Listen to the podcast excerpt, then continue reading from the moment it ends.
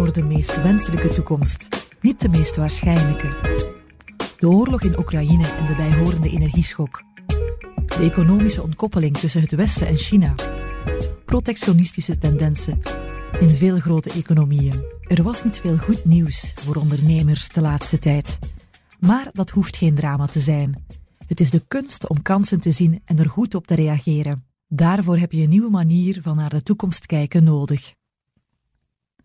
Waarom gaat het steeds harder met ESG?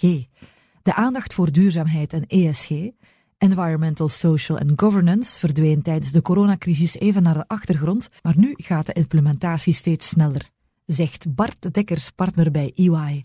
Regelgeving gaat steeds verder. De VS, China en ook de EU nemen protectionistische maatregelen in combinatie met subsidiepakketten rond groene energie, waterbesparing en dergelijke.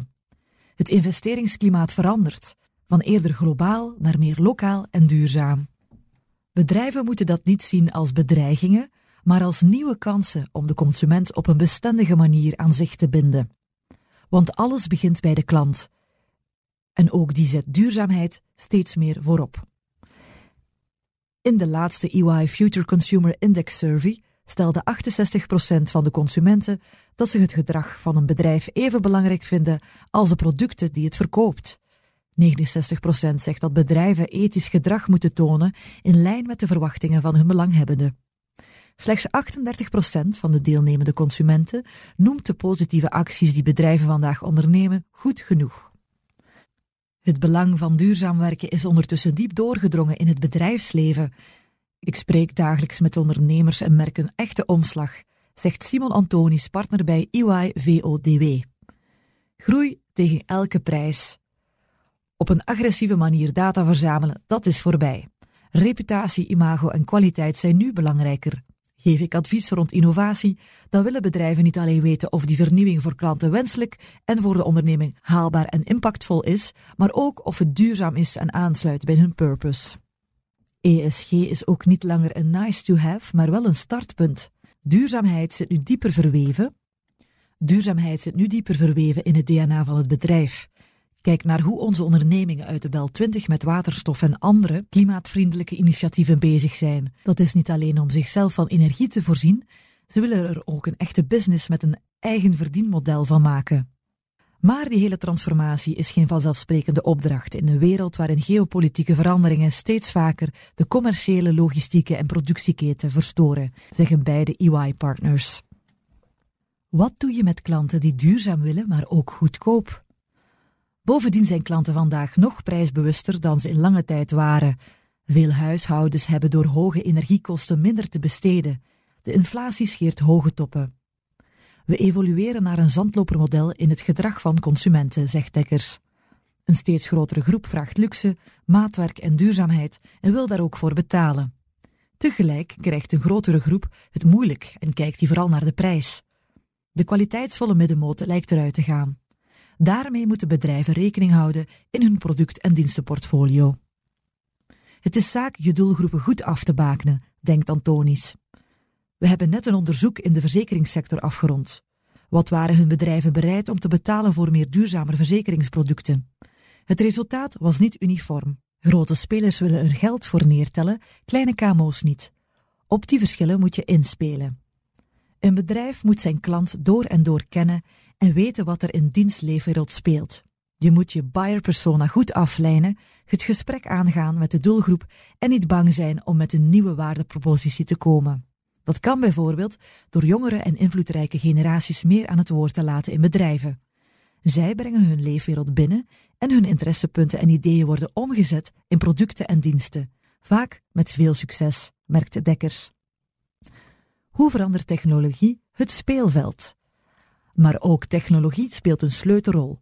Een bedrijf moet opkomende en relevante technologie, als bijvoorbeeld AI, in het oog houden. Processen kun je dusdanig digitaliseren dat er geen mensen meer aan te pas komen.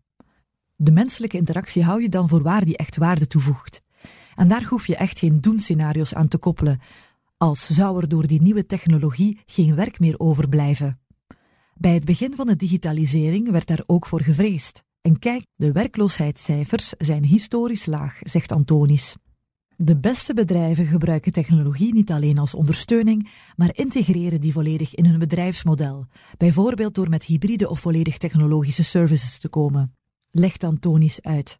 Digitalisering legt de eisen die aan een bedrijf gesteld worden wel een pak hoger. Vroeger werd gezegd dat je moest kiezen, ofwel operationeel uitblinken, ofwel in product leadership, ofwel in consumer intimacy. Meer dan één ging niet, want elk van die doelen is erg arbeidsintensief. Maar met technologie kun je een groot deel van de consumer intimacy automatiseren. En dat geldt ook voor je operationele kant.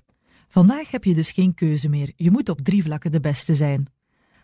Hoe kun je nog aan toekomstplanning doen in een onzekere wereld? Een vijfjarenplanning wordt een steeds delicatere oefening. Ondernemers hebben het moeilijk om hun koers te bepalen in tijden waarin er elke paar maanden wel een black swan opduikt, een ontwrichtende gebeurtenis die niemand had zien aankomen. Toch is het net daarom belangrijk om bewust aan toekomstplanning te doen, zegt Simon Antonis, alleen op een andere manier dan je misschien gewend was. Meestal maken bedrijven een aantal toekomstscenario's op. Wat zal er waarschijnlijk gebeuren op het politieke en macro-economische toneel? En wat betekent dat voor ons bedrijf? Wat is de kans dat het toch anders verloopt? Daarop bouwen ze hun strategie. Dat is in de huidige context niet meer voldoende, want te reactief. Vandaag is proberen te voorspellen, te forecasten niet meer genoeg. Je moet ook backcasten. In die visie bepaalt een bedrijf niet alleen wat het meest waarschijnlijke scenario zal zijn, maar ook het meest wenselijke. Is die waarschijnlijke toekomst wel aanvaardbaar voor jou? Welk doel wil je dat je bedrijf dient? Je bepaalt eerst waar je naartoe wilt en daarna ga je terugredeneren naar vandaag. Wat moet je doen om daar te raken? Zo werkte EY samen met de Scandinavische speelgoedfabrikant bij uitstek een bedrijf dat zeer tastbare producten maakt. Zij wilden niet zomaar kijken naar de megatrends en daarop reageren. Ze wilden sociaal impact hebben en een sleutelrol spelen in spelende wijs leren voor de jongere generatie. Maar die leven in een andere wereld dan vroeger. Om een gewenste toekomst te bereiken zijn ze radicaal veranderd naar een volledig ecologisch verantwoorde bevoorradingsketen en naar speelgoed dat gecombineerd wordt met apps waarin kinderen leren over de dingen waarmee ze spelen. Die visie houdt in dat de levenscyclus van een product of dienst korter wordt. Bedrijven moeten hun horizon sneller en vaker herbekijken. Ze moeten zich zo organiseren dat ze sneller kunnen bijsturen, zegt Dekkers. Want in extreme onzekerheid kun je de lijnen en de richting wel uitzetten, maar mag je je niet vastpinnen op één scenario. Transformatie is daarbij een voortdurend gegeven, niet iets wat eens in de vijf jaar gebeurt, maar ingebed wordt in de hedendaagse bedrijfsvoering. Dat zie je overigens ook op macroniveau, zegt Antonis. Kijk naar de rotatie van de Fortune 500. De namen in die lijst veranderen veel sneller dan enkele decennia geleden. Constante vernieuwing is de realiteit. Vijf megatrends die ondernemers voor uitdagingen stellen. 1. Ontkoppeling van het Westen en China. Het ziet er naar uit dat de EU en de VS dit jaar verder afstand zal nemen van China en omgekeerd. Dat maakt het moeilijker voor westerse ondernemers om activiteiten in China uit te bouwen. 2. Economische zelfredzaamheid. Met regelgeving en subsidies willen de grootmachten vooral in strategisch belangrijke sectoren minder afhangen van bevoorrading uit het buitenland. Dat brengt investeringskansen dicht bij huis mee. 3. Hoge inflatie. Ook in 2023 blijft de inflatie waarschijnlijk hoog. Ingrepen van centrale banken op de rente kunnen economieën in de recessie duwen. 4. Technologie als geopolitiek wapen. De grote machten schermen hun technologie steeds meer af en mikken op technologische zelfredzaamheid en onafhankelijkheid. 5. Energie blijft prioriteit.